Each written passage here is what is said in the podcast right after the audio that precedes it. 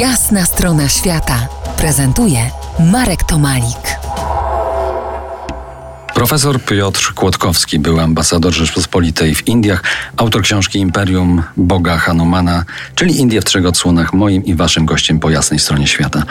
Rozmawiamy o hinduizmie, matce współczesnych tak zwanych dużych religii. Piotrze, jakie są pryncypia tej religii? Na czym kształtuje ona swój dekalog?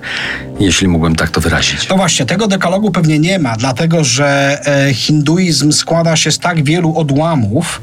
Niektórzy powiadają, że święte księgi Wedy są podstawą hinduizmu, aczkolwiek znajdziemy też takie odłamy, które odrzucają tą tezę.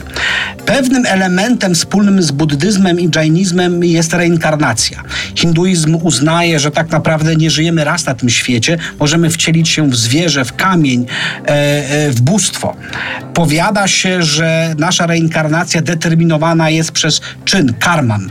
E, czasami polskie słówko karma, które ja akurat niezbyt lubię, bo się kojarzy z czymś innym. A więc to, co czynimy w tym życiu, determinuje nasze przyszłe e, wcielenie. I oczywiście e, życie na tym padole łez jest czymś złym, a więc Hindus powinien wierzyć w mokrze, czyli wyzwolenie. To jest celem wyznawcy hinduizmu. Ale tak jak powiadam, e, część Hindusów uznaje istnienie Boga osobowego, no ale inni z kolei temu zaprzeczają.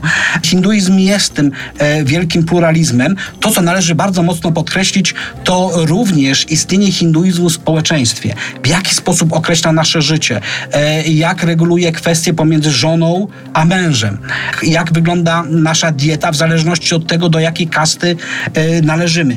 To wszystko jest również opisywane przez hinduizm, no i stanowi o dzisiejszym życiu w Indiach XXI wieku. Hinduizm nie ma rozbudowanych, uniwersalnych instytucji, tak jak my to widzimy y, w katolicyzmie na przykład. No tak, ale katolicyzm jest jednak wyjątkowy, bo również islam, y, ani, ani buddyzm nie ma tego typu y, instytucji, e, a więc w dużej mierze decyduje nauczyciel, guru, e, co jest poprawne, jak należy interpretować życie.